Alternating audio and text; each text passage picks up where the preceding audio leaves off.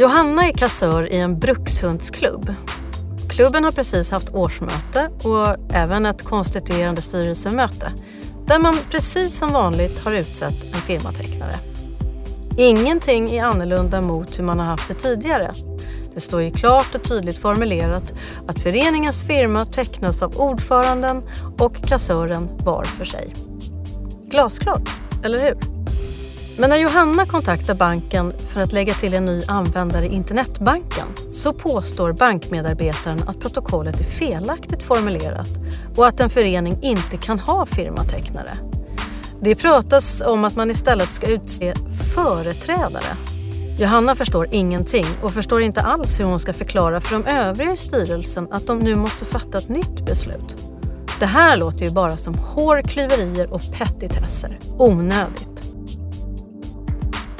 Ja, välkommen till Idea-podden. Jag heter Anna Kollert och arbetar som ekonomiansvarig på Idea. Och jag sitter här tillsammans med Maria Olausson, jurist på Swedbank. Ja, Maria, stämmer det verkligen att en förening inte kan ha en firmatecknare eh, som till exempel är i ett aktiebolag utan då ska utse en företrädare istället? Ja, så är det faktiskt. Och där kan man ju säga att det är klart att man kan använda begreppet firmatecknare, men det betyder inte samma sak som i olika bolag som har eh, lagstöd för vad det betyder att vara firmatecknare, till exempel för ett aktiebolag eller en ekonomisk förening. Men har man då lånat in begreppet firmatecknare lite slarvigt? Eller? Det kan man säga. Om man tänker på en ideell förening, där det finns inga lagar som reglerar ideella föreningars verksamhet, utan där är det egentligen så att styrelsen företräder föreningen. Mm. Eh, men eftersom det är lekmän som jobbar ofta i ideella föreningar så har man kanske inte så stor kunskap om, om hur det rent juridiskt fungerar. Eh, och det här är inga nya regler, men däremot så har, har eh, banker märkt att det är ganska låg kunskap om det här. Och det kan det även vara hos tjänstemän på banker och därför kanske man har gjort så här som Brukshundsklubben under år efter år. Men eh, i takt med att vi måste vara ändå mer noggranna, bland annat på banker, så försöker vi eh, rätta till det här nu och mm. få korrekta beslut och att man, att man gör eh, på rätt sätt för föreningarna helt enkelt. Mm.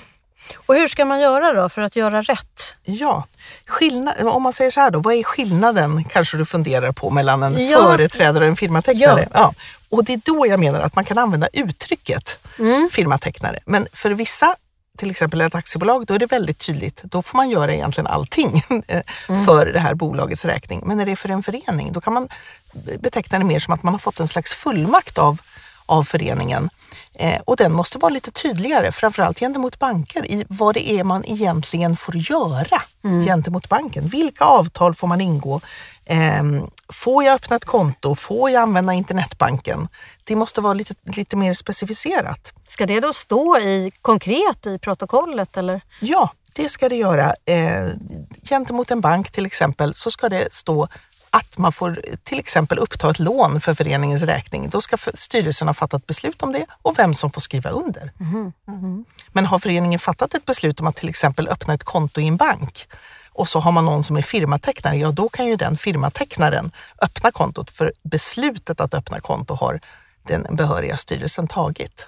Men då låter det som att man i alla fall, alltså om man har då styrelsens eh, så säga, goda samvete att man kan gå iväg och så kan man öppna ett konto. Men det här med att ta ett lån, ja, då måste det formuleras för det är en mycket, mycket mer strikt handling ett avtal att ingå med banken så att säga, än att bara öppna ett konto. Just det, och, och det där öppna konto, ja då får man ju göra det. Men man får till exempel inte eh, använda internetbanken för föreningens räkning om det står att man får öppna ett konto bara. Eh, och det där kan man ju lösa på olika sätt. På Swedbank så har vi tagit fram en särskild fullmakt för ideella föreningar där styrelsen kan besluta vem som får använda den här fullmakten, vem som får vara fullmaktshavare och också eh, skriva under fullmakten för föreningens vägnar. Då blir det väldigt tydligt att de här och de här avtalen kan man ingå med banken. Och då underlättar det ju för föreningarna så att de inte måste fatta nya beslut hela tiden så fort någonting ska hända gentemot banken. Mm. Är det specifika saker sen så småningom, till exempel ta ett lån, ja då måste föreningen fatta ett sådant beslut. Den typen av saker finns inte med i en sån fullmakt. Men det går att lösa på olika sätt det här. Jag tänker att banker är en väldigt speciell institution. Om, man skulle, om en förening vill teckna avtal rent generellt, är det samma princip som gäller eller räcker det med att man har formulerat ett beslut i styrelsen som säger att vi vill teckna ett avtal med den och den eh, parten. Så att säga. Kan firmatecknare då gå iväg och göra Ja, det? om det är tydligt vem som är firmatecknare och man har Mm. fattat det här beslutet, då går det bra.